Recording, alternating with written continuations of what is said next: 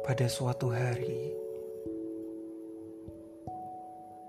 lahirlah seorang anak bungsu yang cengeng, yang sangat sering diusili sama kakaknya. Namun, semasa kecil, dia sangat bahagia, walaupun sering dibuat menangis oleh kakak. Walaupun terbawa hingga SMP.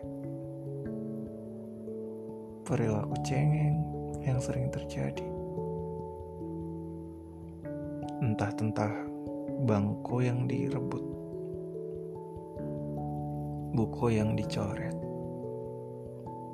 dan mading yang dirusakinya.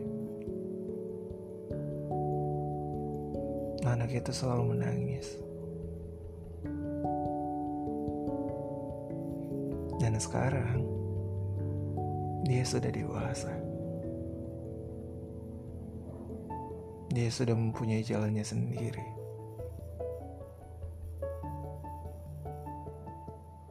Dia sudah tidak cengeng lagi.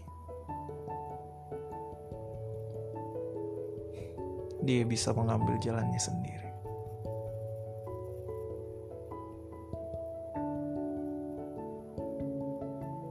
Tetapi entah kenapa anak itu merindukan masa lalunya.